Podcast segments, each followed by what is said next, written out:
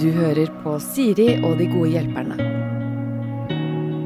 Helgens gode hjelper er på plass, og denne helgen har jeg da med meg Helene Olafsen og Stian Blipp fra eh, Senkveld, TV 2. Hei, Og så mye annet. at Jeg kunne gått gjennom CV-en deres, men det hadde tatt tid. Det kunne, tatt- kunne tatt tid. Ja, er, Vil dere pinpoint pinpointe noen highlights fra egen Oi, nei, karriere? på ingen måte. Nei. Det går Jeg, jeg kan jo nevne uh, Carlings.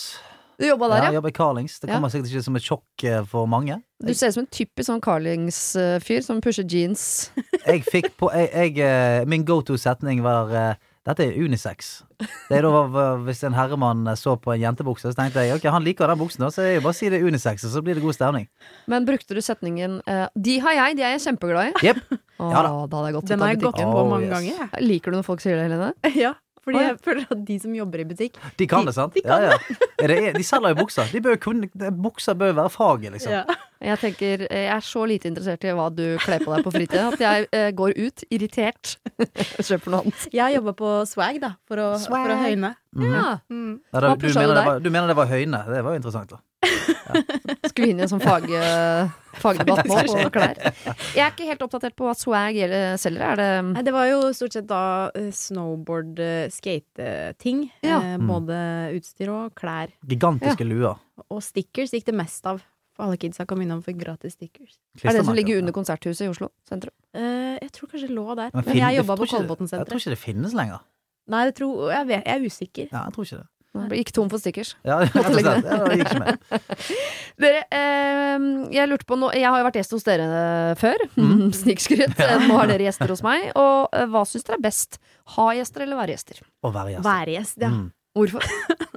Det er jo veldig deilig, da. Ja, for da kan man komme litt sånn åpen, trenger ikke ha noen tanker eller manus eller noe sånt. Så er det bare å ligge seg sjøl i andres hender. Det er veldig, veldig deilig. Ja. ja jeg liker nemlig ja, Jeg vet ikke, jeg tror jeg liker begge deler ganske godt, eh, faktisk. Du liker å ha kontroll. Ja, men det føler jeg aldri at jeg har. Men jeg liker jo å, å tappe innom den følelsen, hvis det er mulig. Ja, for da slipper du i hvert fall en sånn, eh, sånn snikspørsmål sånn Ja, eh, åssen går det med kjærligheten om dagen, da? Mm, ja, det vet jeg er et spørsmål dere ikke liker å stille, men som dere av og til får på øret. Er det ikke sånn? Jo, det stemmer. Ja. Jep. Sorry. Har det dukket opp uh, pinlig taushet øh, etter et sånt spørsmål noen gang? Ja. Ja. Mm. Vil ikke si hvem. Jo, Ja. jeg kan si det. jeg pleier jo å glemme det Ja. spørsmålet og la Stian ta det. Ja. Og nå sist så var det uh, Aksel Lund Svindal. Ja, det kan være. Da måtte, da måtte jeg si sånn Ja, men jeg kan ta den. Jeg tar den for laget denne gangen. Så Ja. Aksel, er det noe Er det noe fart i, i noe annet enn skien om dagen? Og du pak pakka det inn såpass godt, ja. jeg, jeg tror jeg bare tenkte nå bare river jeg av plasteret. Er det noe kjæreste om dagen, eller? Ja, det ble veldig sånn tynn i spak i Ja, men det er jo fordi jeg trodde ikke helt på det spørsmålet. Men, uh, sånn Men da er må det være en stund siden, for har ikke det vært uh, offentlig ganske lenge nå, da? Et halvt år eller noe. Ja, ok. Ja. Ja. Så dere var først ute med spørsmålet? Mm -hmm, Mm, -hmm. mm, -hmm. Og hva svarte han da? Han, eh, det, først ble det den pinlige stillheten i sånn tre sekunder. Det er Ja. lenge. Ja. Eh, og så gikk han over på noe helt annet. Å, proft! Ja. Mm. Eller Mm. ja. Ja, men det er jo det er jo bra, det. Det ble litt rart. ja. Ja. Men er dere enige om eh, Nå har dere jobba sammen en stund. Er dere liksom enige om stemninger sånn Nå er vi gode, nå spiller det her. Dette er et bra intervju. Eller kan dere gå ut av rommet og tenke sånn åh, det var grusomt, mens den andre syns det er kjempegøy? Vi er ganske samstemte nå. Det er det, men det er noen ganger du har kommet av og, og sagt at det var jævlig, og så har jeg sagt hæ, det var jo kjempegøy, og motsatt. Ja da, det, det det motsatt.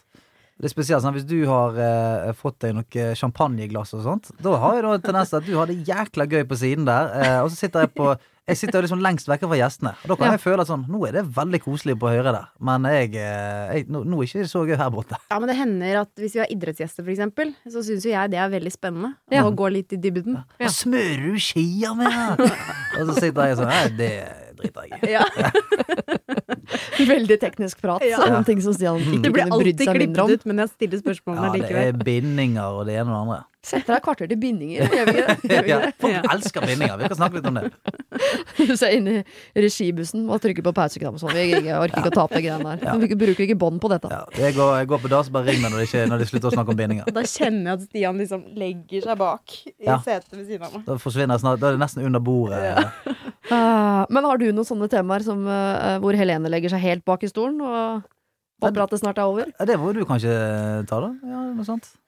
Ja, det blir jo fort eh, eh, dataspill, da. Å ja. Men jeg har, jeg har ikke fått sneket det inn til så mange gjester ennå. Nei, vi har egentlig bare hatt én dataspillgjest. Ja.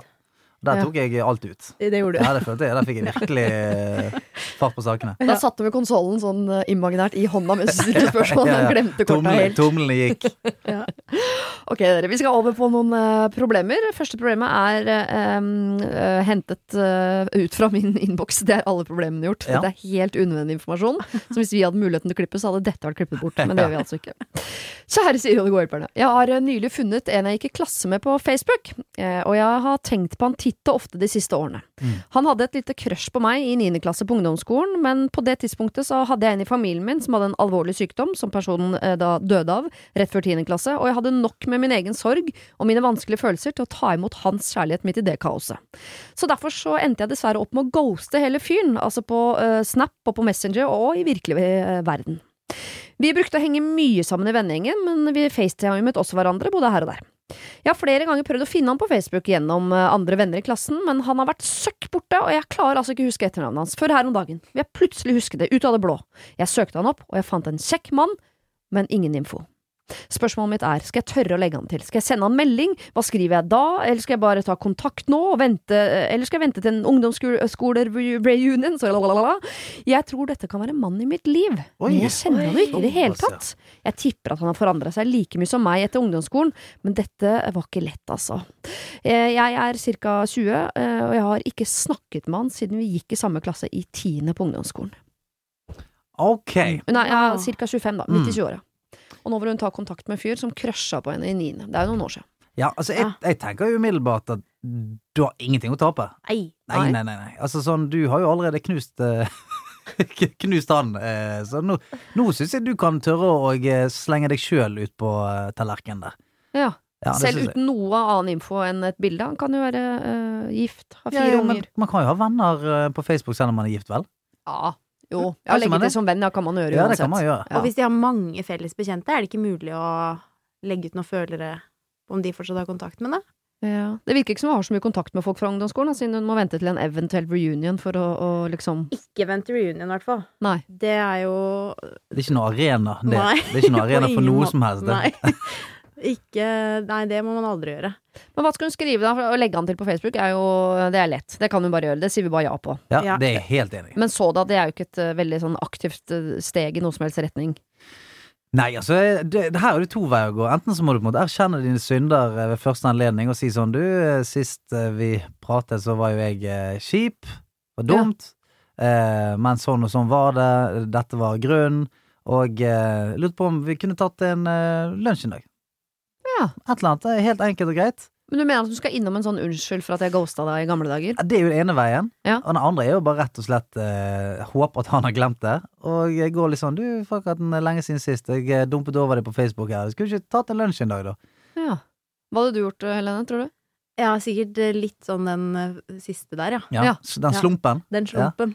Eh, Ja. Oi, hei, der var du. Ja, fuck du Eh. dukket opp på denne foreslåtte vennerlisten min. altså. Ja, eller kanskje si noe litt mer personlig. Bare si 'jeg tenkte på det her om dagen, eh, og fant deg Skal vi, skulle vi tatt en kaffe', liksom. altså, altså, gå, Eller funnet på noe altså kan du gå helt personlig og si 'Jeg tenker på det hver eneste dag'. Mm. Jeg tror du er mannen i mitt liv. Jeg får liksom frysninger når du legger til den stemmen der. Den her. Oh, den er fæl. Du er mannen i mitt liv. Og det er ikke den gode frysninga, den, den, den Ja, ekle. det er Ja, det ikke heller Uhuhu. Sikkert for noen. Ja, det er ikke det. Eh, jeg er litt delt på det sjøl, for jeg, det er jo fristende å skulle ønske å vite hva han føler. Hvis det er sånn at han var ordentlig forelsket i henne i niende og har tenkt på henne siden, var ordentlig lei seg. Tenk deg da, etter noen år, så får du den meldingen som du på en måte har drømt om, men som du vet at ikke kommer. Som er sånn 'Jeg har tenkt på deg siden niende, jeg òg. Jeg beklager, jeg var midt oppi noen greier. Hadde ikke plass til eh, noe mer. Um, men nå fant jeg deg igjen. Det føles ut som jeg har funnet deg igjen. Kan vi møtes? Det er jo en potensielt veldig sånn vakker start på eh, resten av livet. Det er det, Ja. men, men du kan ikke eliminere all sånn feilmargin, eh, sånn som du tenker der. At man kan liksom finne ut om han fremdeles er forelsket i deg og har tenkt på det hver dag. Nei. Det kan man ikke ta utgangspunkt i. Ja, man går veldig hardt ut hvis man gjør det. Ja. Hva hvis han ikke var så Kanskje man var litt forelska i et par andre også, liksom? At det bare var Ja, At man var sånn niendeklasseforelsket. Ja. Ja, ja. Og, og da er det så veldig vondt hvis han på en måte har sett meldingen og ikke svarer. Men hun har jo uh, uansett ghosta en venn. Hun har jo uansett vært kjip mot han. Jeg Mhm. syns bare det er noe fint ved at hun bare uh, erkjenner det og sier det. Nei, det er jeg helt enig i. Det er enig. Helt enig. Og så trenger ikke på en måte uh, Altså, unnskyldning, ferdig. kunne vi tatt en lunsj en dag? Hvis hun Ja. føler at det liksom er unnskyldningen som står i veien for videre kontakt, at, hun liksom, at det er det som har stoppa Mm. at de har hatt kontakt, så er jo det Da føler jeg det er viktig og riktig å gjøre. Ja. Men så- men òg være på en måte komfortabel med det faktum at mest sannsynlig så er jo man to helt andre mennesker nå. Mm. Sånn, Sånn at eh, kanskje man uansett skal prøve å glemme litt sånn den, eh, det forholdet de hadde i niende klasse, for det vil jo ikke ha egentlig så mye å si nå. Altså fra man er ja, hvor gammel er man? 13-14? Mm. 14 til 25. 14-25? Ja, det, det skjer liksom et og annet da. ja. Så jeg tror man må liksom belage seg på å møtes litt på nytt igjen, nesten. Jeg er helt enig, så kanskje den rett og slett skal gjøre er å legge han til som venn. Den har vi jo trykket ja på. Mm. Eh, jeg ville bare sagt noe om sånn Å, det var gøy å se deg igjen. Jeg har jo tenkt på deg fra tid til annen de siste ti årene. Mm. Og jeg syns jo ikke den um, måten vi mistet kontakten på var helt ryddig fra min side. Det beklager jeg. Ville, jeg. Fordi unnskyldningen er jo fin å gi uansett om det er starten på en romanse, eller om det er avslutningen på et kapittel, på en måte. Jeg syns du skal si det, Mm, og se hva han styring. sier. Mm. Og så eventuelt snike inn den derre Lunsj, liten lunsj, eller? Ja. Ja. Er, du glad i, er du glad i mat? Spiser du noe, du, eller? Ja, er jeg òg gjør det. Eller noe annet, da, fordi den der eh, spise mat-settingen kan jo være litt klein. Det er jo Ja. gå en Mm. tur, liksom, eller Ta, en- Ja. ta en shot, for Ta en eksempel. shot, ja. Mm. Vi syns i hvert fall uansett du skal eh, legge til som venn. Ja. Der er vi helt enige. Vi syns du skal eh, strekke ut en hånd på en eller annen måte. Antageligvis i retning av noe unnskyld. Mhm. Eh, og så spørre, stille spørsmål etter hvert. Hvis det er god stemning, om man er glad i mat eller tur i skog og mark, eller de typiske kleine sånn datingspørsmålene. Yes, ja. Det får komme etter hvert. Men først må vi bare liksom åpne opp en viss dialog mellom dere to, og den er det du som må åpne. Vi skal videre til et eh, problem om vennskap eller særlighet. Det er, litt, sånn- det er mye hjertesmerte i dag. Altså. Ja, er. Høsten er over oss, folkens. Det er bare å innse. mm. Jeg er en gutt i 20-åra. For en tid tilbake eh, bestemte jeg og min beste venninne oss for at vi skulle ta steget videre og bli kjærester. Dette var vi veldig fornøyd med.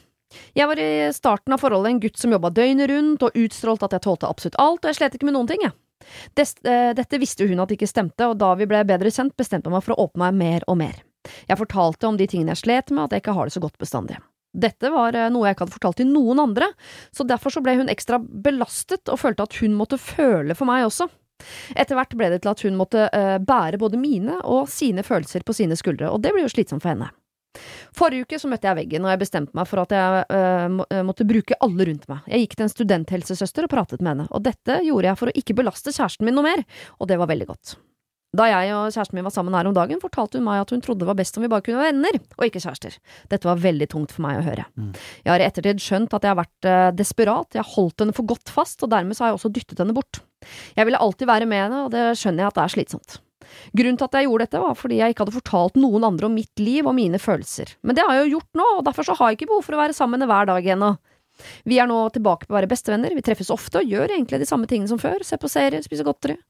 Og jeg ønsker å prøve å få et forhold igjen, siden jeg nå har fått litt mer styr på mitt eget liv, og kanskje ikke kommer til å belaste henne like mye. Det er kanskje dumt å prøve på nytt, men vi hadde et veldig godt forhold før jeg fikk en dårlig periode, og jeg tror det har potensial til å holde lenge. Hva tenker dere? Skal vi bare forbli bestevenner og ikke ødelegge eh, det? Eller skal jeg prøve meg? Kall meg gjerne Dennis. Det er klart vi skal kalle deg Dennis. Selvfølgelig skal vi kalle deg Dennis. Ja. Er du gal? Det er det minste vi kan gjøre. Skal Dennis eh, prøve å bli sammen med bestevennen sin igjen? Det, Det er jo eh, ja, altså, det jeg tror, da, er jo at eh, hvis man skal gjøre dette, Mm. så mm, Da er vi tilbake til, til å starte på nytt igjen. For det at han kan, du, du kan ikke komme med lovnader. Lovnader er litt sånn dårlig, syns jeg. For det, du, må, du må vise og ikke si. Så det å si sånn Men du, jeg har blitt, eh, nå er alt bedre, nå kan vi bli sammen igjen. Ja. Det er alltid veldig vanskelig, for nummer én så har du på en måte pålagt deg sjøl nå en eller annen sånn stor oppgave med at nå skal du vise for en- enhver anledning hvor mye flinkere du har blitt på alle de tingene du var dårlig med. Mm. Og, det, og det er jo litt sånn dårlig eh, grunnlag for et forhold. Så jeg tenker at man, må, man kan fortsette litt i den samme tralten, Ja. sant? og litt grann, at du kan vise det i de settingene som en venn, og på en måte eh, opparbeide en, en historikk av gode opplevelser, og på en måte la hun se at ting er annerledes. ja. Og så kanskje begynne å, å drive litt mer inn i det romantiske igjen. Men jeg tror ikke Ja. man skal på en måte si en sånn Du, jeg vet at vi er bestevenner, men nå har jeg blitt eh, eh, mye bedre, og nå kan vi være kjærester igjen. Det tror jeg ikke funker. Nei. Har du trua, Helene? Jeg bare kjenner ja, Han er så fin og, og sånn følsom gutt. Ja, Uh, og så føler jeg litt for med hun uh, jenta også. Det er, altså, det er jo kjempefint å ha, være bestevenner i bånd, tenker jeg. Det er Mm. jo et superbra utgangspunkt. Mm. Men så føler jeg litt at hun jenta blir litt sånn ah, jeg vil være kjærester, liksom. Jeg, altså, hun savner de, de var ikke gode nok på å være kjærester. Nei. Så at han Jeg er enig med deg at det må ikke være så mye sånn Må, må slutte å snakke om følelser nå. Må gjøre litt. Vise litt. Eh, nå må og, man vise litt, tror jeg. ja, og hvis han har lyst til å kysse henne, så gå for det, eller? Har du, Hvis du kjenner vibrasjonen Ja. i luften, sant. Ja. Sånn som man av og til gjør. Vær litt på Der. der. Bare sånn mm, Ikke si eh, 'skulle vi kysse litt'? Eh, Nei, det er ofte veldig lite sexy. ja, Du, skal vi kysse litt, eller? Ja. Hæ? Vi, vi står jo men gå for det, liksom. Bare være litt eh, Ja. Jeg føler, at, eh, jeg føler at det er det som eh, mangler i, i forholdet der. Det høres ut som du er ganske enig, og jeg, jeg, jeg klarte ikke helt å se det sånn før dere eh, Takk for at dere åpnet øynene mine på det greiene der. Jo, fordi det, jeg, hvis, hvis det er som, sånn som han antyder, da, Ja. at han har kvelt henne litt med for mye Mm. sånn eh, problemer og følelser og ting som sikkert noen eh, der ute ville sagt sånn Det må man tåle når man er sammen, men det tålte ikke hun. Mm. Og da er det ikke sikkert starten på en ny runde er at man skal snakke seg inn i det igjen. Nei, jeg tror ikke det, altså. Jeg, eh, jeg Og så tror jeg òg at når man eventuelt ender opp i forhold igjen, Ja. så skal det ikke være sånn Jeg, jeg tror ikke han skal være redd for å på en måte være eh, sårbar og følsom og sånn, for det er veldig kjedelig om man på en måte er redd for å vise den siden, for at oi, men dette gjorde det i gale forrige gang. Mm. For det er jo en veldig dårlig ting å ta med seg inn i et forhold at uh, ok, men når jeg, når jeg deler mine problemer, da forsvinner den andre type. Sånn at, man, sånn at man alltid må liksom kvitte seg med problemene før man kommer hjem. Da blir jo hjemmet et litt sånn ja, utrygt sted, da kanskje. Ja, fordi Hvis forrige runde var litt slitsomt for henne, så kan denne runden bli litt slitsom for han hvis han må liksom drive og veie sånn alt han gjør og sier i tilfelle sånn Nå må ikke jeg bli for mye for henne igjen, for da Ja. mister jeg Mm. Jeg tror de skal være venner ganske lenge Ja. nå før de ramler inn i noe, noe klining. Altså. Jeg tror det. Ja, kanskje. Jeg tror det. Men jeg, de føler i hvert fall at de må gjøre mer sammen, og ikke snakke så mye. ja, få noen Ja. gode opplevelser. Ja. Få noen gode opplevelser. Det er jo som uh, Ut på livet, liksom. Ut på livet. Det er som uh, RuPaul sier det som fint. If, you, if you can't love yourself, how the hell are you gonna love somebody else? Can I get an amen up in here? Amen, brother! Sant? Det er litt det. Åh, ja, det tror jeg han trenger. Og det kan nok hende at Dennis også trenger noen andre impulser. enn For nå er hun veldig trygg havn. Mm. Jeg, han, så jeg skjønner det at det, det legger seg litt på hennes skuldre at han er så avhengig av henne. Mm. Og selv om han sier at han ikke er det nå, så tenker jeg at han skal kanskje gå noen flere skritt aleine før han eh, liksom Ja, for Skal det er gå noe de med samme liksom, henne hva, hva er grunnen til disse tunge tankene, på en måte? Og Mm. er, det er jo den derre klassiske at kjæresten ikke må bli terapeuten. Mm. Eh, for det kan jo drepe altså verdens fineste forhold. Ja, Ja. for hvis det blir sånn alltid, så blir jo det Ja, da blir jo det eh, på en måte forholdet litt, da. At sånn eh, Ja, hjemme så er ikke det bare klining og stearinlys. Det det er som oftest der man bare lesser av seg driten, og så går man Mm. på jobb igjen, så er det hjem igjen. Uff, det var tung dag i dag. Ja. Dette var kjipt. Vanskelig å liksom verken bli noe tent eller bli, altså, å få noe fart i, i kjærlighetslivet sånn sett, da. Ja. Og hvis man liksom har prata i hjel ting og føler at man ikke kommer videre, Mm. så er det noen ganger at man bare Da, i hvert fall min erfaring, altså, da er det bedre å bare sperre det litt inn, bort, altså. Ja. Sette en lite punktum, og så starte på nytt, liksom. Jeg tenker at han skal fortsette samtalene med hun eh, studentpsykologen som han har snakket med. Men han skal fortsette dette vennskapet med sin ekskjæreste. Det er jo fint at de får til det. Mm. Og hvis det liksom eh, på et eller annet tidspunkt dukker opp noen sånne sparks, så syns jeg de bare skal dukke opp på seg sjøl, og så skal man gå derfra over i klining. Og så skal man selvfølgelig etter det være åpen og snakke om følelser og være i gode og, og dårlige perioder og sånn, men å snakke seg inn i et forhold som man egentlig snakket seg ut av, Nei. det høres ut litt ja, Nei, det tror jeg ikke hun kommer til å like. Nå Nei. kjenner jeg ikke hun veldig godt, altså. Men jeg tror ikke hun kommer til å like det. Nei, jeg tror ikke jeg heller. Vi skal til en oppgitt stemor. Det er jo ikke et eh, problem dere har kjent på kroppen sånn eh, foreløpig Nei. i livet. Det er ikke sikkert at dere å skånet fra det, en. men- Ja. Har dere stemor, noen av dere? ja, det har jeg. Eh, Ond? Nei, Av typen du, du definitivt ikke ond. Veldig, veldig snill. Er det et type spørsmål som kunne blitt sånn tre sekunder eh, pinlig taushet? Ja. Åh, hva skal jeg si her, da? For ikke komme inn og klamme Nei da, hun er kjempehyggelig, hun. Ja, ja. Slår litt og sånn, men det er jo bare hyggelig. Det er sånn. Her er det heldigvis stemoren som har sendt inn problemer. Vanligvis så sender man jo inn problemer eh, på eh, vegne av seg selv som har denne forferdelige stemoren, men her er det stemoren som sender inn. Ja. Hei dere. Jeg har hørt at dere har mange problemer som gjelder oss stemødre, gjerne da den onde stemoren. Men jeg har et annet problem. Og det er at jeg er sammen med en mann som ikke er så veldig interessert i sønnen sin på tolv, som vi har 40% her hos oss. Samboeren min vil ikke finne på noe med han alene, og han klager og oppfører seg ganske enkelt som en litt større pubertal tolvåring når vi har han her hos oss. Og dette går jo meg på nervene, fordi jeg blir den som må ordne alt, sørge for at det er fred i heimen og stå for godstemninga. Samboeren spør alltid om jeg kan ta med meg sønnen hvis jeg skal noe, og da nytter det ikke å si nei for å tvinge dem til å ha litt alenetid, for jeg vet at det blir møkkstemning resten av dagen. Nå har sønnen begynt å teste sin far, og er ifølge også moren et helvete å ha hjemme. Eh, han kaller henne og nye mannen hennes for stygge ting, som for eksempel hore. Jeg er lei av dårlig stemning og de tomme truslene til samboeren min, som for eksempel jeg hiver PlayStation ut av vinduet om han eh, ikke oppfører deg ordentlig, han brøler til sønnen sin, det er slåing i bordet, før til slutt sønnen griner og ringer til moren sin og forteller hvor fælt det er å være hos pappa. Moren er ikke noe bedre, hun, altså, da hun ringer oss og forteller hvor fælt hun syns det er eh, med oppførselen til sønnen sin, og dette sier hun høyt, så både vi og eh, sønnen og den nye mannen og datteren og alle kan høre det. Jeg konfronterte samboeren min angående hans følelseskaldhet, og svaret var ganske sjokkerende for meg. Jeg har ikke blitt oppdratt sånn, og jeg klarer ikke å vise kjærlighet mot sånn. Jeg vil ikke engang prøve, og dette var visst flaut, sa han. Jeg har ingen barn selv, men jeg begynner å skjønne hvorfor jeg ble advart mot å satse på en fyr med barn fra før. Lurer på om dere har noen tips til hvordan jeg kan støtte denne sønnen i dette? Eh, Jeg har vært der halve hans liv, og vi har alltid gått bra sammen, vi har aldri krangla.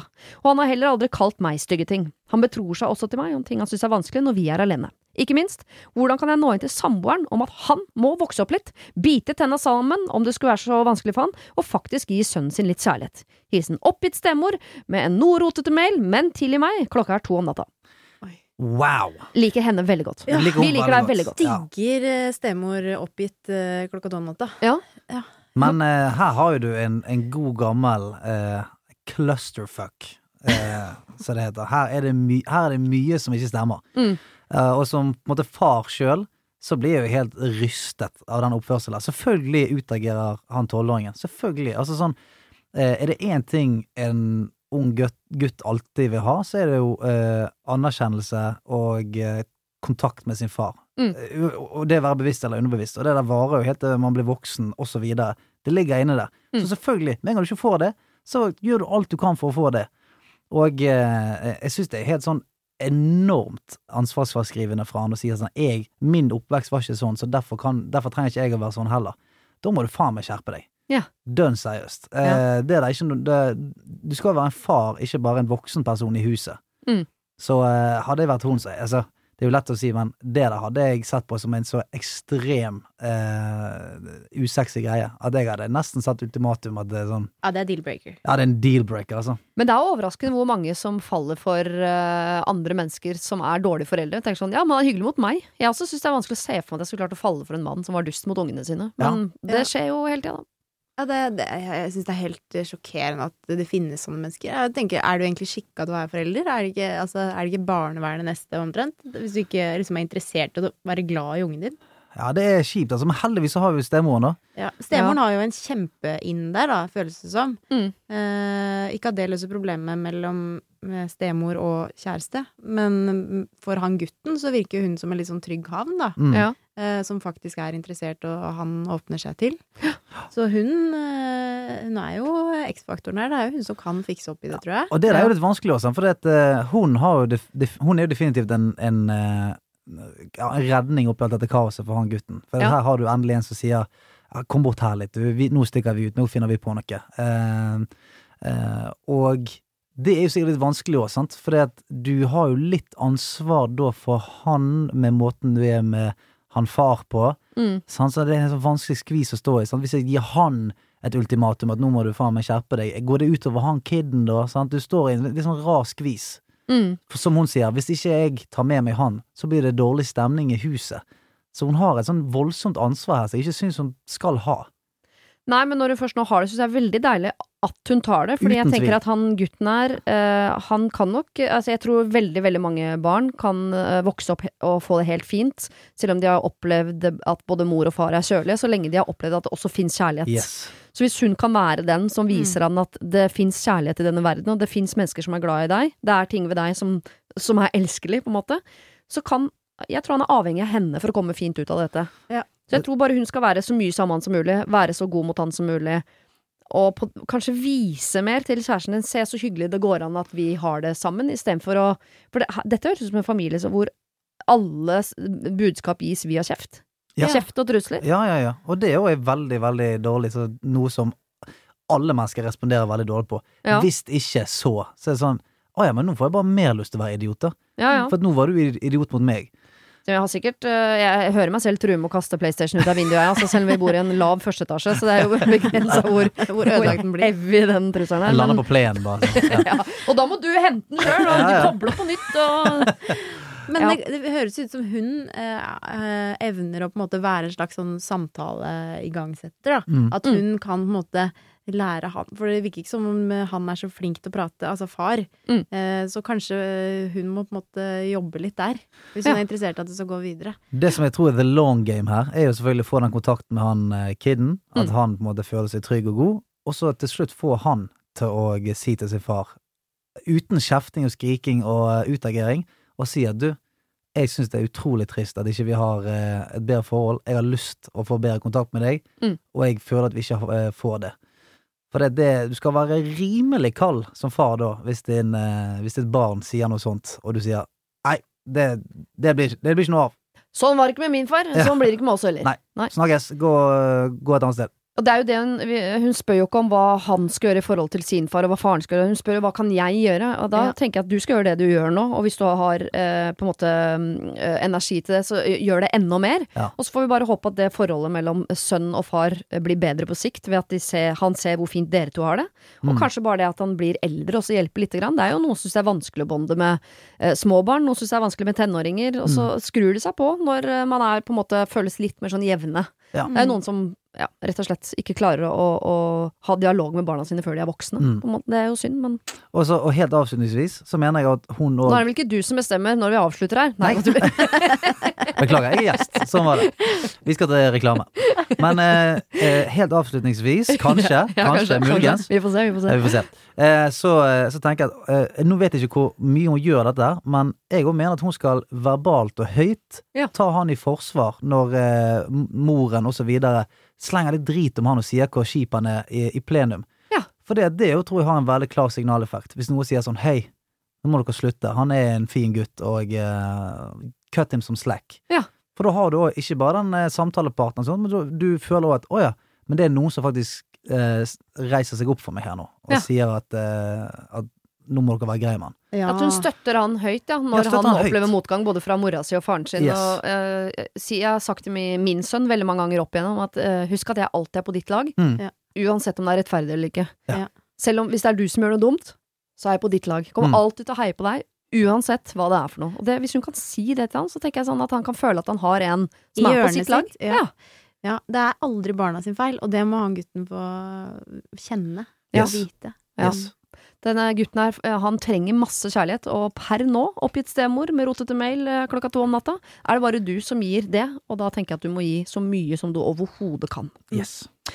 Eh, Vi holder oss i litt sånn alvorlig hjørne her, og vi skal over til en mail som heter 'Bli sammen for barnet?' spørsmålstegn, og da vil dere vel automatisk tenke sånn, er det noe god idé, da?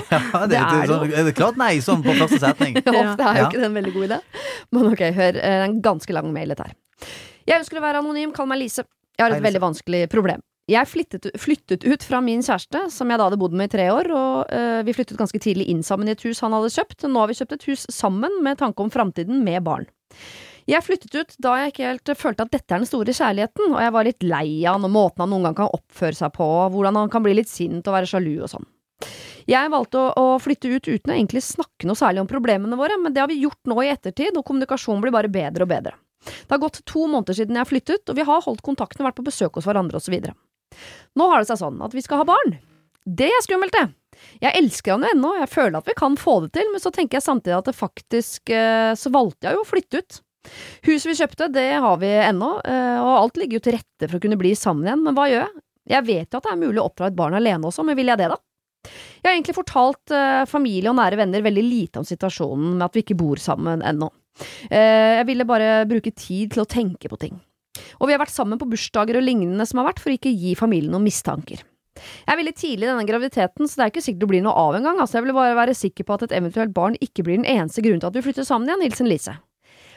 Lise lurer på mye Ja, i denne mailen. Ja, ja. Eh, eh, men hun skal ha et barn, antageligvis. Ja. Eh, bank i bordet. Mm -hmm. og vurdere å oppdra det aleine. Kanskje sammen med han fyren. Ja. Mange muligheter. Ja. Vil, vil du begynne på den her, Hvor, ja, hvor skal man starte, liksom? Eh, eh, jeg tenker jo sånn først og fremst at alle forhold går gjennom eh, faser, og det vet jo sikkert hun også, eh, Lise.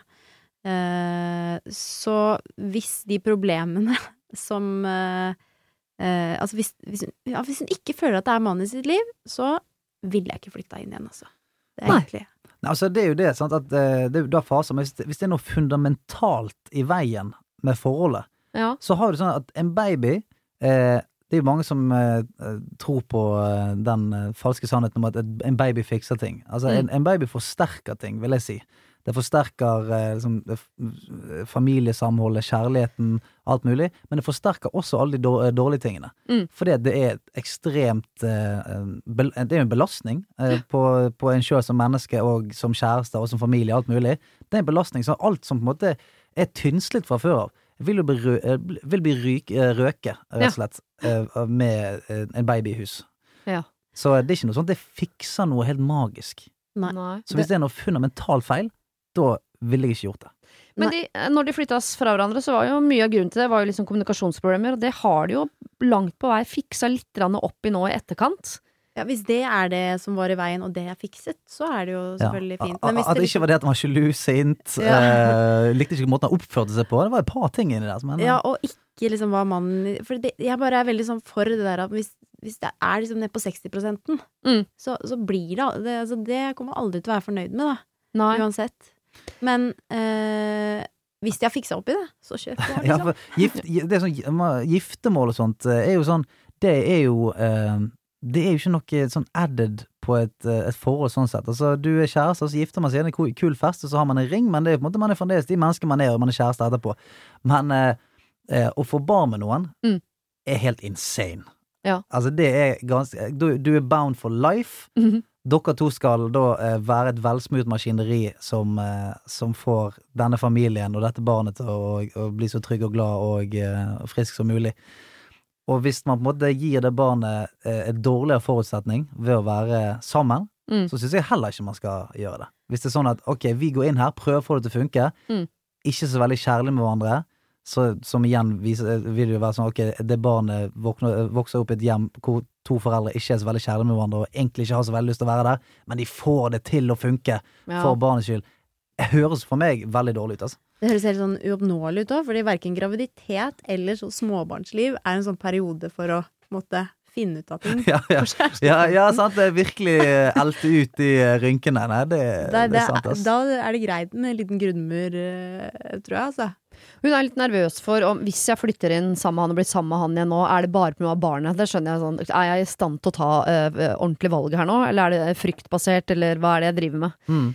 Man merker vel fort noe sånn Har du lyst til å kline med fyren, liksom? Ja. Ja. Har du lyst til å ligge med han fyren der, eller har du bare lyst til å på en måte øh, ha en sofa som dere kan dele på, og, og et lån dere kan dele, og et tak over hodet som dere kan dele? Ja, det er logikk og hjerne må vekk fra ligningen. Ja. Altså sånn, dette her er lurt, eller dette hadde vært fint eller praktisk. Altså, det må fullstendig vekk fra ligningen. Ja. Her, må, du må, her må du bruke hjertet. Her er, det, er dette noe jeg ønsker. Men her er jeg åpen for at det finnes forskjellige personlighetstyper. Jeg Ja. tror det. Jeg tror ikke alle er så eh, på luft og kjærlighet. Nei, kanskje ikke. Men jeg, jeg mener at, at kjærlighet det har ingenting med måte, eh, logikk å gjøre. Nei, det er jeg enig i. Nei, jeg jeg er for så vidt enig i det, men samtidig, uh, uten å uh, Ikke at man skal være kynisk opp dette her, men hvis hun nå Hun har uansett tenkt å ha dette barnet, Mm -hmm. uh, og hun har et hus sammen med en fyr som hun nå fungerer sammen med. De er jo venner og går i bursdager sammen, og, det, og de har jo tydeligvis ligget sammen i og med at de har lagd dette barnet. Og i det hele tatt. Så det er en del ting, det. det er en del ting som ligge. funker her, ikke sant? Ja. Og en graviditet kan jo være slitsom og ensom, og det første året med baby er jo øh, Og livet for øvrig blir jo øh, slitsomt, kan bli ensomt. Det kan jo jeg bare Hvis hun uansett skal ha det, og hun skal jo ha det med han, skal de ikke bare prøve, da? Og så kommer de seg i hvert fall gjennom graviditeten sammen, det første året sammen, så kan dele litt på sånn og Få sove litt innimellom, og så får de se Kanskje går det i retning av at de fungerer bedre sammen. Mhm. Antageligvis ikke, men de rekker jo å flytte fra hverandre før den babyen merker at 'å, mamma og pappa er sånne folk som egentlig ikke er så glad i hverandre', de. Det første året handler jo bare om å få uh, pupp og varme. Men tror ikke du da den, den kall det slags avhengigheten da blir sterkere? At uh, selv om følelsen ikke er der, så er den, kall det den kynismen og den uh, Ja, men nå er vi her for dette her er kanskje det lureste. At den forsterker seg eh, veldig, og at man blir kanskje litt sånn fanget. Jeg vet ikke. Det høres så vondt ut å liksom skulle få et barn, og så gå fra hverandre med en gang. Bare sånn Nei, det jeg Det handler jo ikke bare om varme Altså, det, det barnet, jeg tror det plukker opp og Om mamma og pappa krangler da òg, ja, altså. Ja, Jeg tror ikke ja kanskje.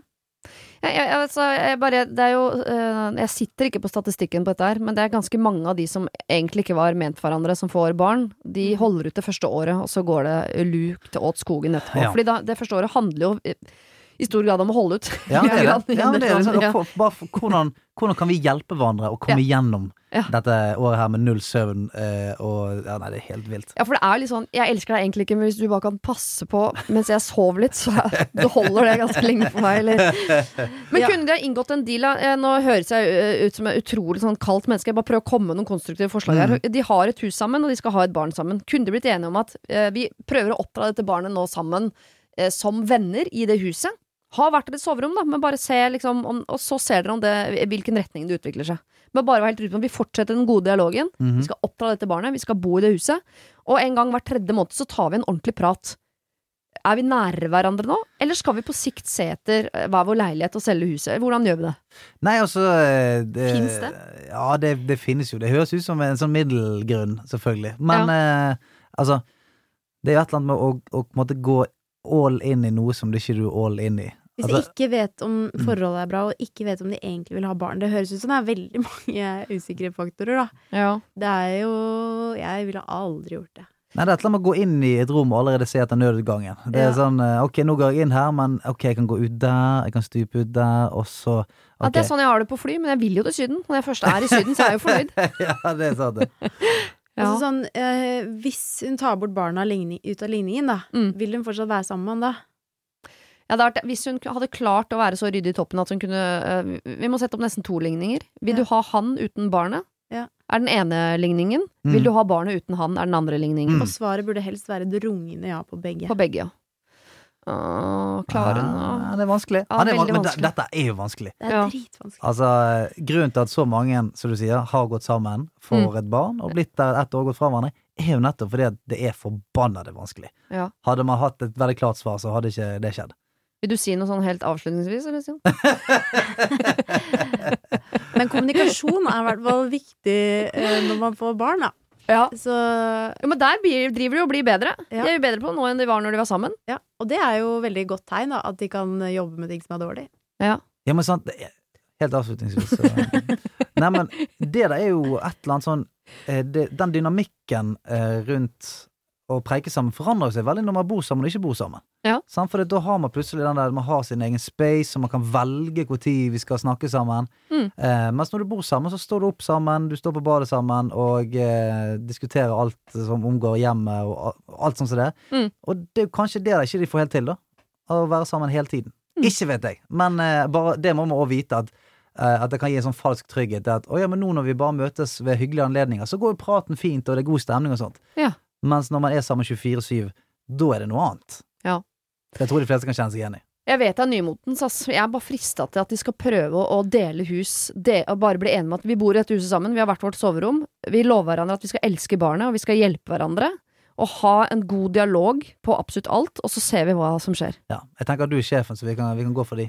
Ja. Jeg har ikke 100% trua på den løsningen, men jeg skulle ønske at den fantes i den virkelige Ja, det støtter jeg deg på. Så hvis du Lise, er et sånt menneske som tenker sånn Ja, det kunne jeg fått til, så syns jeg du skal gjøre det. Ja. Jeg ville ikke gjort det. Jeg tror ikke Helene gjort det. Jeg Jeg tror ikke Stian ville gjort det. Men hvis du tenker sånn Det kunne jeg gjort, Ja. så syns jeg du skal gjøre det. Har du problemer selv, send dem inn til siri at radionorge.no. Jeg er en kar på 23 som har gjort veldig mye dumt når jeg var yngre. Jeg hadde noen år på ungdomsskolen, typ 11-14 års alderen, hvor jeg ikke var noe snill. Jeg går nå og straffer meg selv hele tiden ved å si til meg selv at jeg ikke kan føle glede på grunn av den jeg var da. Jeg klarer ikke å stoppe med å tenke på fortida. Bør jeg skamme meg? Jeg er en helt annen person uh, i dag, og jeg prøver jo bare å være snill. Hva syns dere jeg skal gjøre? Kall meg Nils. Åh. Nils, stakkars Nils. Ja, selvfølgelig kan du være et uh, Hva var det han sa? Bra menneske. Ja. Ja, er du gal? Ja, selvfølgelig. Det er jo eh, det som er Det, det jeg har, har lært, er at det er viktig å føle på alle følelsene. Ja. Så man kan ikke liksom stenge av og si sånn eh, eh, Jeg velger å ikke være glad. For hvis du ikke Hvis du liksom ikke unner deg selv å være glad, da blir du Da er veien kort til depresjon og, Mm. og, og mørke, liksom. Så det må du unne deg. Det er kjempeviktig.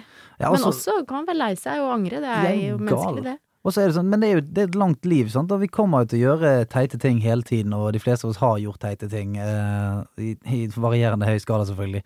Men eh, jeg tenker jo at man skal man skal jo anerkjenne den fortiden, si at eh, faen så dumt det var, jeg angrer, skulle ønske det var ugjort, Mm. men så må man på en måte klare å ligge i det kapittelet på en eller annen kvote, en eller annen tabbekvote, og så må man eh, heller bruke det som lærdom til eh, hvordan du skal oppføre deg resten av livet.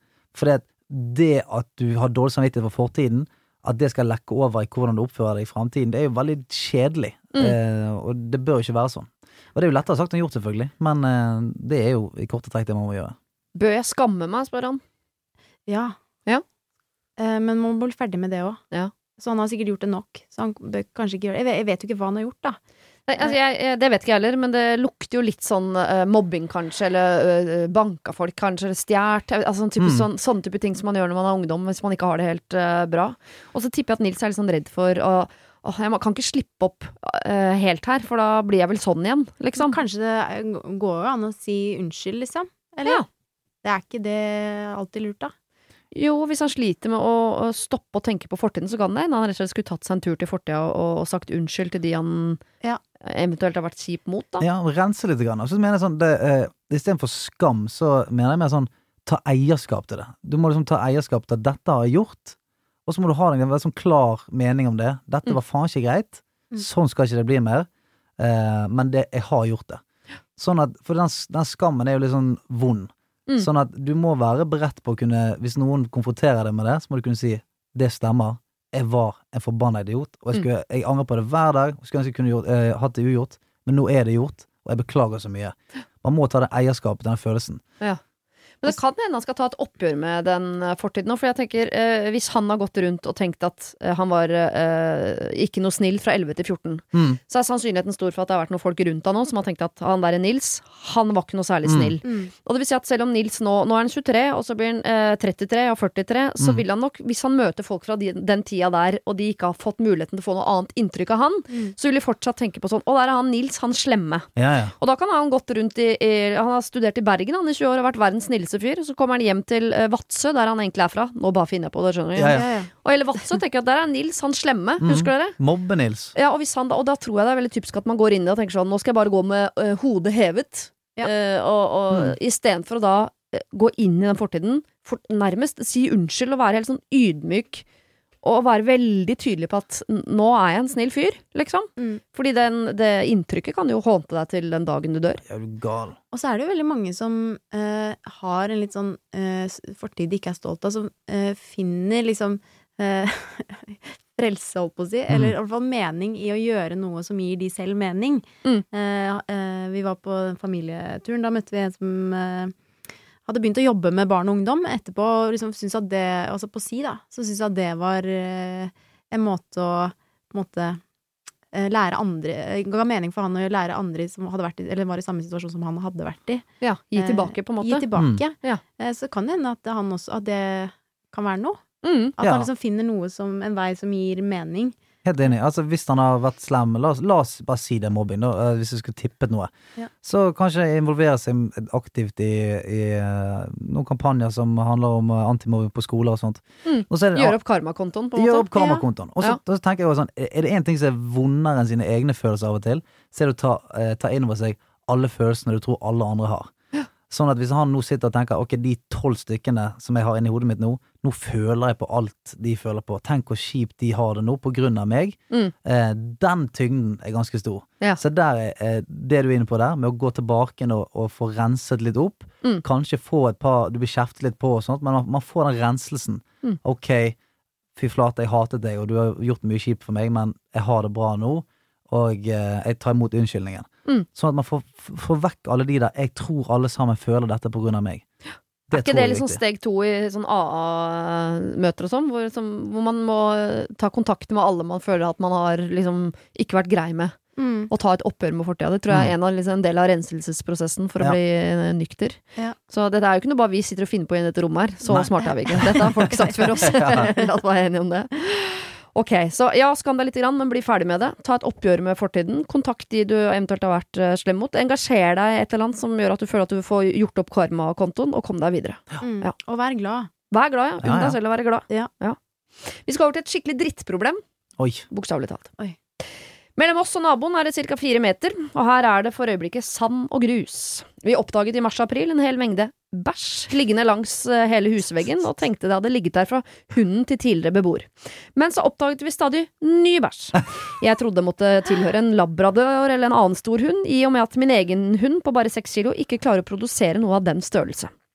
Derimot foreslo samboeren min at de skyldige kanskje kunne være nabokattene, som vi for øvrig digger. De er supersøte og kommer godt overens med hunden vår. Men dette er jo to svære beist av noen katter. En av dem er en Maine Coon. Jeg vet ikke, tilfeldigvis vet jeg hva en Maine Coon er. Maine Coon? Ja, enorm, altså det er enorme katter. Okay. Ja. Eh, hvis ikke du eh, Altså, du har antageligvis ikke møtt en Maine Coon, for da hadde du tenkt sånn Å ja, det er de, ja! Ja. Det ser ut som en hund. Ja. Vi har alltid hatt en hyggelig tone med naboene våre, både eh, folka og kattene deres, og vi spurte litt diskré Dere vet ikke om det er noen løse hunder i nabolaget? Vi har så sykt mye bæsj liggende langs med husveggen. Men da sa naboen det er sikkert kattene våre. De bæsjer helt ekstremt mye. Jeg må tømme kattesanda hver dag. De driter jo som en liten mann.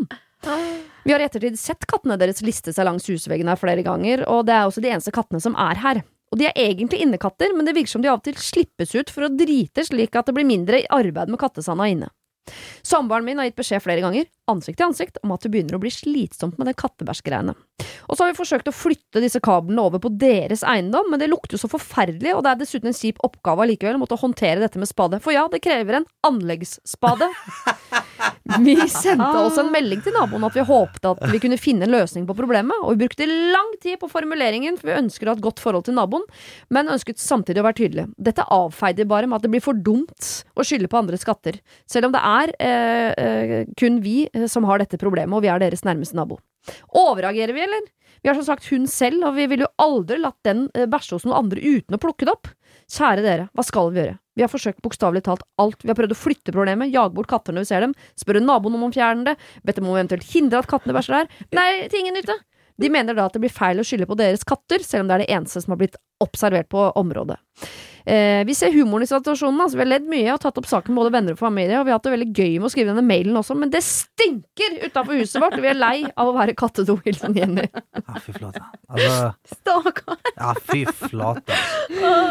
Altså, to main poop-maskiner som går rundt omkring der. Altså, jeg, eh, jeg, jeg tenker jo selvfølgelig det første som popper opp i hodet mitt, hadde vært å gå bort og bare drite utenfor uh, vinduet deres sjøl. Ja, selvfølgelig det første. Ja, ja, selvfølgelig. Det tenkte jeg. Da eh, setter du standard. Mm. Så sier du eh, Du kan, du kan påberope deg at du går i søvne, da. Ja. Så går du bare ut midt på natten, så driter du eh, på plenen deres. Og så når de sier sånn Du, jeg mener jeg så deg drite på plenen, og så da har jeg gått i søvne. Du kan ikke ta meg for det. Det der, det der er ikke meg. Det der er meg i søvne. Sorry, Mac. Ja, det, det, de er, virker jo som folk som har litt humor på det, da. Så, øh, du har sånn derre babycall med kamera. Ja. Eh, Hadde ikke det vært en idé å bare filme det? Bare tatt gjerningsmannen, og så vet de det?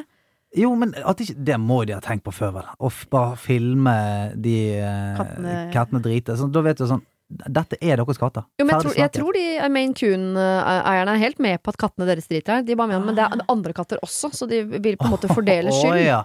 Så hvis du hadde driti på deres eiendom, så måtte du ha lagt det sånn. Jeg tror alle naboene her gjør det, så det Ja. er ikke bare meg. Ja, men Det er- nå er vi inne på noe. Ja, Man må liksom fighte elendige argumenter med elendige argumenter av og til. Så der har jeg hadde gått for det. Jeg drete på plenen og sagt du, det, jeg, jeg så han naboen borti 3B. Jeg har dreit der her en dag nå. Ja, fordi disse naboene er jo på en måte eh, stereotypen på alle naboer, føler jeg. Ja. Som er sånn eh, som de ansvarsfraskrivelse. Ja, det blir for dumt. Eh, Ja. Uh, det, det, argumentet, det blir for dumt å skylde på andres katter. Ja, ja. Eh, det, det er jo det mest irriterende argumentet man kan møte, føler jeg. Ja. Eh, jeg, jeg, jeg kan ikke noe sånn derre kattehacks. Nei, Eh, jeg har ikke noe sånn kjerringråd på det. Men jeg mener hvis du må ut med en snømåke for å hente driten som de der galningene ligger fra seg. Ja.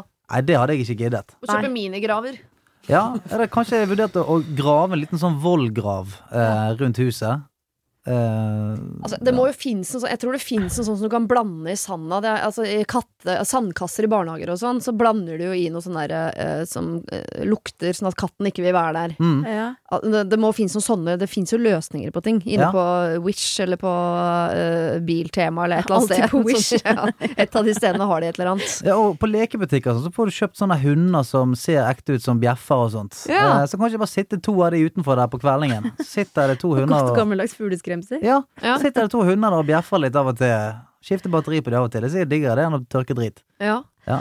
Også, men jeg må nesten dessverre ta naboen litt i forsvar her, selv om vi også hadde mye som kattebæsj i- bedene utafor hos Du oss tar en periode. naboen i forsvar. Jo, for det er noe med eh, Hvis det lever dyr vilt ute i naturen, som det jo gjør her, selv om det er noen som eier de kattene Ja. du kan, du kan bli så irritert du vil, men naboen kan ikke si til katten sånn 'vær så snill, ikke bæsj hos naboen', for de liker det ikke. Dere må slutte du, Det budskapet er ikke noe vits i å gi, for det, det, er, ing- det er ikke noe mottaker av budskapet. Men hvis du har en hund, da, som driter ute i gaten, Ja. plukker ikke du det opp da? Jo, men da er jeg der. Jeg ser det. Den går i Jo, bånd. men Men her- fri, hva, hvem skal kjefte på elgen og rådyr og Nei, men kaninen dette er jo og ikke de dette er jo reven? dette er jo ulven? jævla katt. Det er jo sånn, eh, Hvis du har katt, og du flere ganger sier 'du, katten din bæsjer på veggen min', Ja. da vet du at den katten bare Ta deg en tur ut en gang hver dag og, og tørk den bæsjen. Ja, Hva jeg hvis ser at de det eneste seg- løsningen er at de plukker og bæsjer. Men de kan, de kan ikke få kattene til å De kan ikke få kattene til å slutte å bæsje hos naboen. Nei, men de kan plukke det opp etter seg. Men Ja. sånn eh, kattenes eh, altså markeringsbehov her. Ja. Eh, er, det mulig, er det mulig å gå til anskaffelse av egen katt? Som, mark som da Som, som motangrep, liksom. Motmarkerer. ja, Ja. motmarkerer. Kjøp en dobbelt så stor katt, Ja. og så fôrer han bare Ja, lapskaus og Jeg vet ikke om gaupe, størrelse er viktig. faktisk. ja, Ja. gaupe, så fôrer han kun lapskaus og bønner, ja. og så sender han klapper jeg på ræven ikke over til om naboen. størrelse er viktig for kattene. Eh, Men hvis de har egen katt, renser ned dette området, Mhm. sånn som de gjør i Breaking Bad, Ja. eh, og så eh, får den tissa på nytt Mhm. Dette, Her bor jeg. Ja. Kanskje det. Liksom bruke naturen mot naturen. Ja. Ja. Nei. Ja, det må finnes et eller annet, noe, noe kjerringråd eller noe på biltema som kan brukes her. For hva er egentlig det største problemet her? Er, er det kattene, eller er det naboen? Det er bæsjen. Det er bæsjen som er det største problemet. Som og man har ikke lyst til å plukke opp bæsjet til andre. Nei. Nei, men for det, det, er jo, det er jo Alle henger sammen. Altså Det er bæsjen som er problemet, som kommer fra katten, som kommer fra naboen. Og jeg mener at hvis det er naboen sin katt, Ja. så må naboen tørke opp den bæsjen. Ja. Og i hvert fall hvis naboen er sånn utad sånn Vi slipper ut kattene så vi slipper å skifte så mye sand. Ja, ja. Det er dårlig gjort. Men de har jo også Det er jo dumt når du har to katter på størrelse med labradorer i nabohuset, og så velger du altså å legge sand som en del av hage... Det er, altså, Ja, det er dumt. hvis du er bor i et nabolag med katter, det er ikke sand det er aller best. Da går vi for plen. Ja. Kanskje grus. Ja, jeg tror ikke fins Da må du ha um, Altså helt tett gjerde som kattene ikke kommer seg innom. Ja. Ja. ja men, nei, så jeg, For vi har rev, så vi driver med det. jeg kan, Men kanskje legge Altså, jeg mener jo da vollgrav. Eh, Med piraja, ikke sant? Med piraja. ja, helst piraja, hvis Ja. det er mulig å oppdrive. Eller eh, bare sånn eh, Litt sånn som i middelalderen, bare spissede trepinner som står ut fra veggen og sånt. Eh, roser. Ja, rosebusk. Roser. Rosebusk, det er jo fint. Det er ganske effektivt. Ja, Ja. eh, så det er mange eh, Så kanskje man skal gå på materialene her, rett og slett, eh, rundt huset. Kanskje Ja. ikke gå for eh, det nærmeste kattesand du har funnet. Nei, jeg, Ja. tror, det, jeg ville ha gjort om hagen så ikke den så ut som verdens største og mest fristende do for katter. Mm. Ja. Det, det ville begynt der. Ja. Lagt ut et eller annet som, som katter syns lukter vondt eller syns er litt skummelt. Noe katteskremsel av noe slag som ikke er skadelig for katten. Mm. Altså ikke knust glass, hvis Nei, dere har vært inne nei, på tanken. Nei, nei, nei. Slanger. Ja, Ellers så ville jeg begynt å, å drite hos naboen. Ja. Jeg helt Det er. Hvis alt annet feiler, da driter du hos naboen. Ellers så ringer du Stian Blipp, og så gjør han det for deg.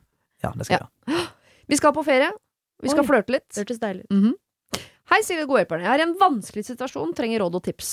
Da jeg var 18 år, dro jeg på ferie til Vietnam med en venninne og familien hennes, og denne turen har forandret livet mitt. Det var et nytt land, jeg var med folk jeg ikke kjente, jeg kunne ikke språket, alt var fremmed. Men familien var utrolig hyggelig, og de tok ekstremt godt vare på meg. En av fetterne til venninnen min hadde på en måte ansvaret for at jeg skulle ha det bra, og han var den eneste som for eksempel fikk lov til å ha meg bak på mopeden sin. Han ble min trygghet, siden han alltid var ved min side. Han og jeg snakket bare via venninnen min eller Google Translate, men etter hvert begynte jeg å få følelser for han allikevel. Og en dag fant jeg ut at han også hadde følelser for meg. Og etter at vi fant ut av dette, gikk vi aldri noe sted uten hverandre. Vi sa at vi elsket hverandre. Når jeg og de andre måtte hjem igjen, ble hjertet mitt knust, og jeg har aldri grått så mye verken før eller siden. Jeg hadde truffet min soulmate. Vi møttes igjen litt etter på en annen ferie, og følelser, eh, følelsene og alt annet var fortsatt så sterke at vi, og alle, kunne skjønne at vi var meant to be. Så måtte vi skille lag igjen, så vi slo opp, og det var vanskelig med så stor avstand. Etter et år cirka fikk jeg meg en annen kjæreste som jeg også elsker, altså, eh, og han er egentlig perfekt. Vi bor nesten sammen, har et veldig stabilt forhold. Men for noen måneder siden sendte fetteren en melding hvor han skrev I miss you so much, og jeg følte at hele verden min stoppet opp, fordi jeg savnet han også, og jeg har alltid gjort det. Jeg slo jo bare opp fordi det ville være et vanskelig forhold, ikke fordi jeg ikke elsket han. Jeg svarte I miss you too. Så sa vi ikke så mye mer annet enn at dette er komplisert, men så sendte han ny melding hvor han sa I still love you, og igjen raste verden min sammen. Jeg elsker jo han også. Nå sitter jeg her og lurer på hva jeg skal gjøre, jeg har aldri fortalt kjæresten min om fetteren, han blir ekstremt sjalu av det meste. Jeg er ekstremt forvirret fordi jeg har det fint i det forholdet jeg har, men fetteren får meg til å føle noe jeg aldri har følt med noen andre. Typen min er, er utrolig glad i meg og tar veldig godt vare på meg, jeg er liksom den perfekte typen, i anførselstegn.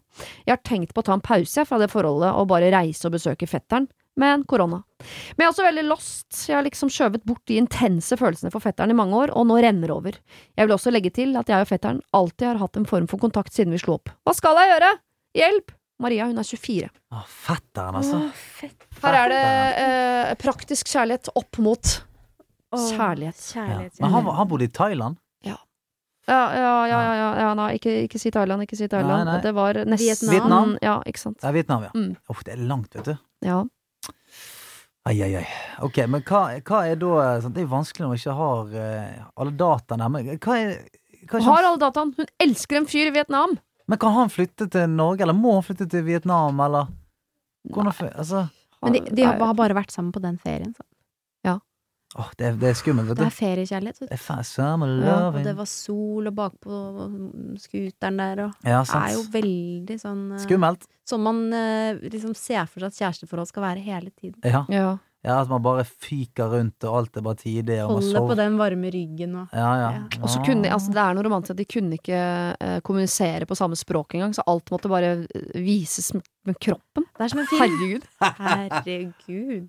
Men dere er, altså, hun er 24 år, og hun er sammen med en fyr nå. da. Det, han er glad i han, og han er fin og det greiene der, men ja. Jeg Ja. Jeg heier jo på den årige i Vietnam, liksom. ja. ja, nei, helt enig. Altså. Kom deg til Vietnam. Uh, ja ja, kom deg til Vietnam. ja, herregud. Ja, skal hun gjøre det slutt med en fyr som kan være potensielt kjæreste livet ut for å, å fortsette å kjøre scooter, men fyren egentlig ikke har Ja, men, kommunisert noe særlig Men med, hvis hun du med sier sånn hun er 24 at vi har det helt greit, er ikke det liksom Det- Nei, Det er ikke verdt å Jeg hadde ikke lagt alle korta på det. det er jo kjedelig hvis du er i et forhold, men så er det en, et, et, noe annet som frister så mye at verden din raser sammen. Ja. For da er det kanskje ikke liksom siste gang det skjer. Altså sånn, Da har man funnet seg kanskje et, et godt forhold, det er kos, og vi er kjærester, og det, vi leier, og det er god stemning. Mm. Men hvis en fetter fra Vietnam eh, som Ja, nei, jeg syns det, synes det er vanskelig. Jeg tror sånn kjærlighet som hun har opplevd med fetteren i Vietnam, eh, det tror jeg ikke De aller fleste av oss opplever aldri det. det kan, altså man kan ha vært så forelsket, liksom, og kjent på det der intense, men den kjærligheten tror jeg ikke de aller fleste av oss er på hakket under. La oss Mm. bare være enige om det.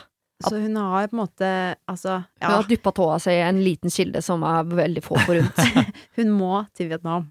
Ja, må hun ikke det, da? Jo. Ja, og jeg tror jeg høres ut som hun må en liten, liten tur bort til Vietnam da, ja. Ja.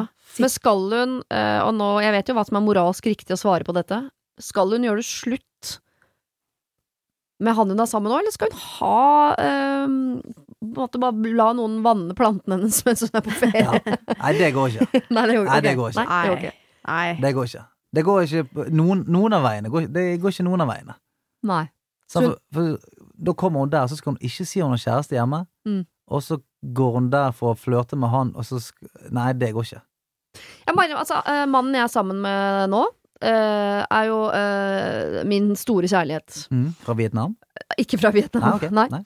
Eh, men jeg ans jeg anså det som ganske umulig at det kom til å bli oss to. Hadde andre kjærester underveis i denne forelskelsen og tenkte sånn ja ja, du, du, er, ikke, du er ikke the one, men du er the next one, på en måte.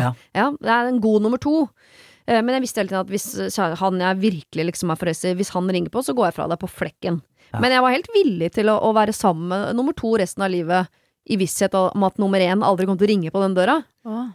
Men så gjorde han det, da. Så da gikk det jo bra. Men jeg, jeg kunne levd et helt fint liv med nummer to. Så jeg tror her at hun også kan leve helt fint med han hun er sammen med nå. Men den store kjærligheten er jo i Vietnam. Mm. Ja, Så altså, da må man være Er du en, en, eh, er du en som vil bare oppgi Droppe alt som er trygt og godt for å oppleve noe magisk? Eller vil du bare ha det trygt og godt? Der er man forskjellig, vet du. Men hun er jo heldig, da, fordi hun vet jo hvem som er nummer én. ja, vet du det? i hvert fall hvem som er nummer én eh, nå. Ja. Det, det kan jo altså Hvis hun uh, har vært i, der borte og blitt så forelsket i han, så er jo det mulig for at hun kan bli så forelsket i, i andre òg. Fordi, Tror du? Siri, Ja. når, du først, når først nummer én banka på døra, Ja. da var du ganske sikker, eller? Ja, ja, ja, jeg var jo sikker på hvem som var nummer én. Jeg var sikker på hele veien. Ja, men når Men hvis først nummer én er uoppnåelig, eller i Vietnam, ja. så slår man seg jo til ro, småbruk med en annen hyggelig fyr, liksom. Men korona er jo ikke livet ut, Nei, håper vi da. Nei, vi håper jo ikke det. jeg håper Nei. ikke det. Nei, okay, men Hvis nummer én eh, Hvis lokføreren hadde vært i Vietnam Ja. Og sagt sånn Du, kan du komme bort her og Jeg skal jobbe her et år nå, kan du komme bort og være med meg et år? Ja, da har jeg sagt nei, for jeg vil helst ikke forlate Europa, men Nei Så han er ikke helt nummer én, da. Uh, ja. hvis, jeg, hvis jeg kunne fått han, ja, da må du komme bort her. Nei, det er ikke, det er du ikke må komme hit. Ja, men det er jo selvfølgelig et eh, Det er jo et alternativ eh, å ta en liten ferie til Vietnam. Det må jo hun kjenne på selv. Ja, men Samtidig samtidig du er du sammen med han. Nei, altså, jeg mener selvfølgelig moralsk ikke at hun skal det. Nei. Men det har skjedd før. Det har skjedd før. Det er bare det jeg sier. Ja, jeg, stiller, jeg, jeg tar fullstendig avstand fra dette. her. Ja. Jeg vil ikke vitne i noe rett. Hvis det, Nei, men eh, er vi, vi er litt enige om at eh, det Vietnam-greiene høres for bra ut til at hun bare skal i fornuftens høytid si sånn Ja, men jeg går for de greiene her hjemme. Ja, og hun vet, hun vet jo at han elsker henne Ja. fortsatt. Fordi det hadde vært noe annet sånn Jeg har ikke klart å slutte å tenke på han, men vi har ikke hatt kontakt siden jeg var der sist. Han Da hadde henne. det vært noe annet, men når han sier at han elsker henne Åh, kjør på. ass. Og så sier vi ikke at det, det kan hende at når hverdagen kommer, og, eh, så, kan, du, kan det vise seg at han ikke er riktig for deg, Det han heller. mulig. Men jeg syns de, de, dere må finne ut av det på ordentlig. Ja. Den kjemien der, den Ah. eh, er for god til å bare eh, liksom skylde på korona og kaste Men så må de jo så, så, hun må jo vite at det der er ikke det virkelige livet. Altså, de har vært på ferie. Ja, ja. Jeg har vært på ferie, og det har vært eh, lange drinker og eh, fine kvelder. sånn. Men når Og han var kjemien ikke på stemmer ferie. så godt eh, Han var ikke på ferie. Han var ikke på ferie. Nei, Hva det var er han? et veldig godt poeng. Nei, da, hun var jo hjemme i hans familie der han bodde. Ja, men I han, Vietnam. Så han hadde jo hverdag. han hadde hverdag, han, ja. Ja. Ok. Ja. Ja, da ja. Og den kjemien der, den funker utenom ferie òg, Det er jeg 100 sikker på. Ja, det tror jeg òg. Ja. Vet du hva, vi sender deg til Vietnam vi, med God tur. første mulig fly, som er eh, lovlig. Ja. Kos deg i hjel med fetteren. Er det vi som Ja. sponser flybillettene? Ja, det skulle jeg gjerne gjort. Ellers må vi bare begynne å gå, i og med at det ikke er så mye flytrafikk akkurat nå. Men, eh, og hva du gjør med han du er sammen med der hjemme, det legger ikke vi oss borti, moralsk sett. Nei. Selv om noen tar avstand. Eh, men at du skal til Vietnam, Jeg vil det er også vi bare helt enige om. føye til at jeg også tar avstand. Jeg også tar avstand. Ja. Men jeg kommer til å backe deg hvis du gjør det allikevel. men at du skal til, til Vietnam, det er vi enige om. Det er vi enige om. Ja. Og ikke ta med deg typen. Vi skal til eh, et problem som jeg, altså, Det er et langt problem. Det inneholder Det er porno, og det er mye greier. Oi. Bare bli med meg gjennom her. Okay. Jeg og samboeren har vært eh, samboere i, i fem år. Begge er i starten av 30-åra. Vi har hatt et eh, noe utfordrende samboerskap, eh, men vi har kommet oss gjennom det meste. Eh, Vi har nesten ikke hatt sex de siste to-tre åra, altså kanskje fem-ti ganger. I starten var det som normalt, men etter hvert ble det bare mindre og mindre, og det dabbet av. Eh, Det kom tidlig fram sider som jeg ikke var helt bekvem med. Jeg fikk følelsen av at det skulle være så voldsomt og hardt som mulig, og at man ofte aksepterte uh, dette da, i starten. Men jeg fikk bare mer og mer følelsen av at vi hadde sånn pornosex. Vi snakket om dette, men samboeren mente at det var jeg som overdrev, drev, og at jeg misforstod. Forspillet ble bare kortere og kortere, jeg prøvde å forklare at jeg trenger mer enn bare å hoppe i det, jeg trenger noen form for nærkontakt først, og ikke bare rett på, liksom. Til hverdags føler jeg at samboeren min er eh, seksuelt fokusert uansett hva jeg har på meg, om jeg har på meg olabukse, skjorte, joggeklær, det er ikke så nøye. Han kan komme inn på badet og bare sette seg der mens jeg dusjer, bare for å se på. Og når jeg går ut av dusjen, bytter klær eller lignende, så får jeg stort sett alltid en sånn seksuell reaksjon, en kommentar eller et klaps. Og hvis vi skal holde rundt hverandre eller være nære, så må hånda plasseres på en pupp eller på rumpa eller rett i skrevet. Og jeg har flere ganger spurt om ikke han bare kan holde rundt meg uten å måtte kna meg på brystene eller rumpa, jeg syns det blir for mye. Jeg ønsker også kjærlige stryk på ryggen, på armen, magen for den saks skyld, men disse stedene er helt uinteressante, Eh, det er helt tydelig. Da får jeg reaksjoner som åh, du må jo tåle at kjæresten din tar på deg, du vil jo aldri at jeg tar på deg. Som jeg har prøvd å forklare at det er ikke det det handler om, jeg vil bare bli tatt på og, og være nær deg, uten å bli sett på med de pornoøynene hele tiden. Annen utfordring er at vi tar dette temaet ofte opp sammen med vennene våre. Eh, hvis noen snakker om noe i seksuell eh, retning, så kan samboeren ofte kommentere med sånn som 'Å, det der trenger vi, for vi har ikke sex', eller 'hun vil jo aldri, hun der'. Og så kommer vi hjem, da skal vi ikke prate om det! Da later vi som ingenting. Jeg har også tatt opp eh, at jeg synes det er slitsomt med disse kommentarene, eh, men da svarer han 'Hvorfor det? Det er jo sant, du vil jo aldri'.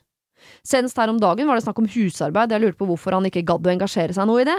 Og da svarte han 'Hvorfor skal jeg gidde det når ikke jeg får noe igjen? Vi har jo aldri sex'.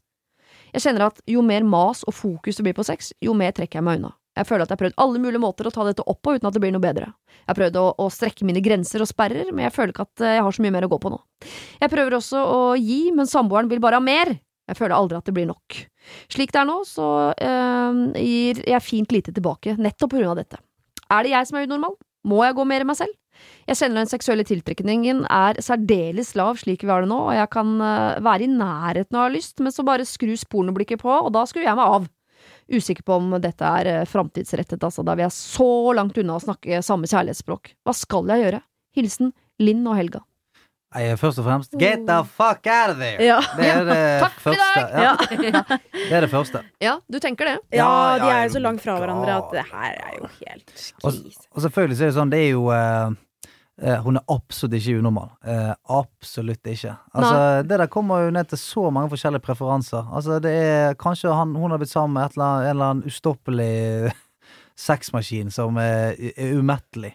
Mm. Og det er jo eh, Det er en veldig, veldig dårlig match for henne. Og det som er usedvanlig trist, er jo når hun sier Du, kan jeg, få, eh, kan jeg få det på min måte? Kan vi? Så er det helt uforståelig.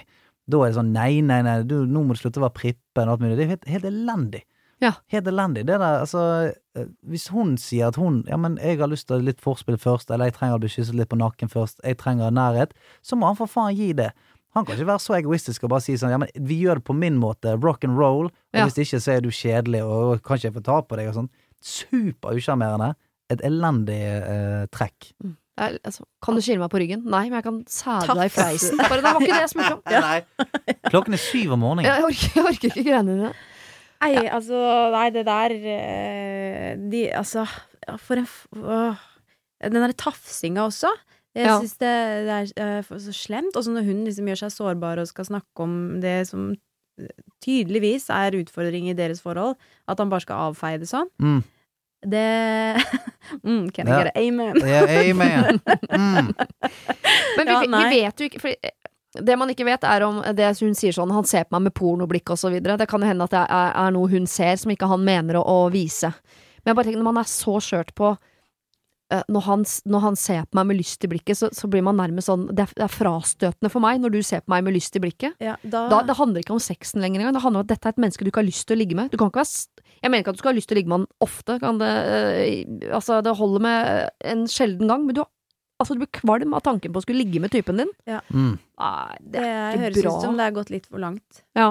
Det, det er en lang vei å reparere. Nei, helsike. Altså, Ja. det der er jo eh, Det der må du bare drite i. Og selvfølgelig, så gå tilbake, kan være at han har en helt sånn ekstrem lyst eh, som er helt sånn ustanselig, men da må han dessverre finne seg en som har det samme, hvis han nekter å inngå noe kompromisser på, eh, på noe som helst av, eh, av den nærhetsgreien. For det, dette her er jo bare en veldig umoden eh, gutt, for det første, og eh, en helt sånn uakseptabel eh, ja, eh, oppførsel eh, mot en partner. Ja, også det der å henge ut uh, Helt krise. for vennene og sånn. Uh, det finnes jo nesten ikke noe slemmere, eller? Nei, det er helt elendig. Å ta samtalen uh, i plenum. Helt elendig. Det er så dårlig gjort, det. Ja, ja, ja. Det, det er så forferdelig dårlig gjort. Da er du så dårlig menneske.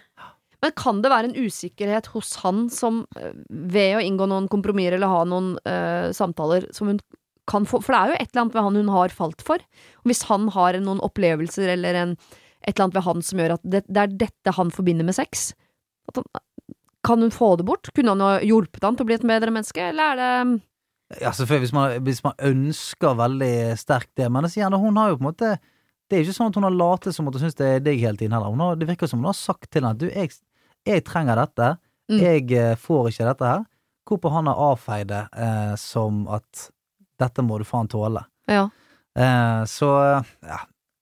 Og så er det litt sånn, De er inne i en, en spiral her som er vanskelig, fordi jeg, hun, som hun skriver, jeg kjenner at jo mer mas og fokus det blir på sex, jo mer trekker jeg meg unna. Ja. Og jo mer hun trekker seg unna, jo mer maser han å ha fokus på sex. Ja. Det, altså, hvis de skal komme seg noen vei, så må du i hvert fall få snudd den trenden der, og det tror jeg er, øh, hun er villig til å gjøre. Men han høres ikke ut som en fyr som Det virker som olje og vann på det der, altså. Ja. Det, det bare det, det passer ikke. Nei, hadde de vært sammen i 15 år, så, hadde, så kunne jeg på en måte Og dette var en sånn nyvunnen giv som han plutselig hadde fått, der, så, så, så tenker jeg sånn Ok, da kunne man prøvd å, å rette det ut, men dette hadde jeg ikke giddet. Nei. Nei. De har hatt sex fem til ti ganger de siste to-tre årene, og han er en fyr som Han klarer ikke å se at hun dusjer engang uten å sette opp pornoblikket. Det er veldig rart, det også, å komme inn og se på at hun dusjer. Eller? Er, er, er- det vanlig? Gjør ikke dere det hjemme hos dere, da? Jeg sier sånn, nå skal jeg dusje, nå må du komme inn og se litt på.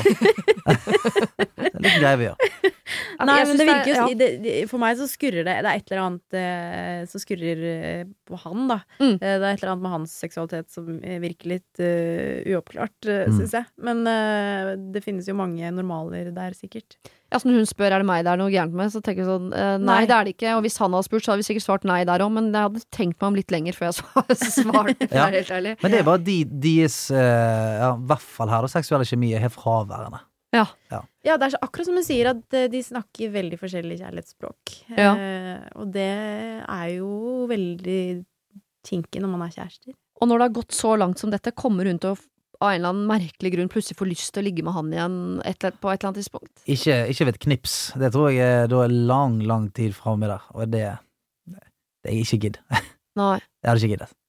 Det er lenge siden jeg har vært så uh, skeptisk til at noen skal fortsette å være sammen som Ja. disse to. Jeg beklager, men dette det bare høres helt forferdelig ut. Det høres ut Ja. som Jeg får vondt i magen av det. Ja, Du gruer deg til å dusje, for da kommer det inn en sånn kåt labrador som skal sitte og se på deg, som bare liksom ligger ligge med deg. Det eneste du vil, er at han skal forsvinne. Nei, Ja. Grafse deg litt på Øh. tissen eller i skrittet. Ja, ja. Du har litt lyst til at han skal pjuske deg i håret, liksom, og så får du pikk i panna før du liksom Nei, å, herregud. Er dette nært nok for deg? Åh. Nei, det høres, beklager, men det høres helt forferdelig Ja, det høres ut. ikke noe bra ut i det hele tatt. Altså, det, det som skal være det fineste og diggeste i verden, er jo plutselig blitt sånn Å, faen, håper ikke han kommer inn nå. Ah, nei. Ja, og det er sikkert det har masse ringvirkninger i hverdagslivet. Ja, at hun liksom går litt sirkler rundt han og på en måte eh, Wow, jeg er så trøtt i dag. Du vet. Bare Ja, ja. sånn prøver å unngå det. Da det. går Gå rundt i huset med boblejakke. Nei, det høres jo helt grusomt ut. Ja. Nei, dette, har, det, dette ser vi ikke noe løsning på. Høres ut som dette forholdet må ta en pause. For han må rydde opp i noe greier. For sånn kan ikke han oppføre seg rundt uh, deg i det hele tatt. Det, og det tror jeg han må finne ut av på egen hånd. Altså, får ikke oppdratt uh, Altså, en, Det- en kåt labrador. Nei, det er vanskelig å oppdra. Vi må kastreres. Ja. nei da! Vi må ikke det. Vi må ikke det. Du må bare slå opp med dem. Ja, det må man kanskje, altså. Få de omplassert.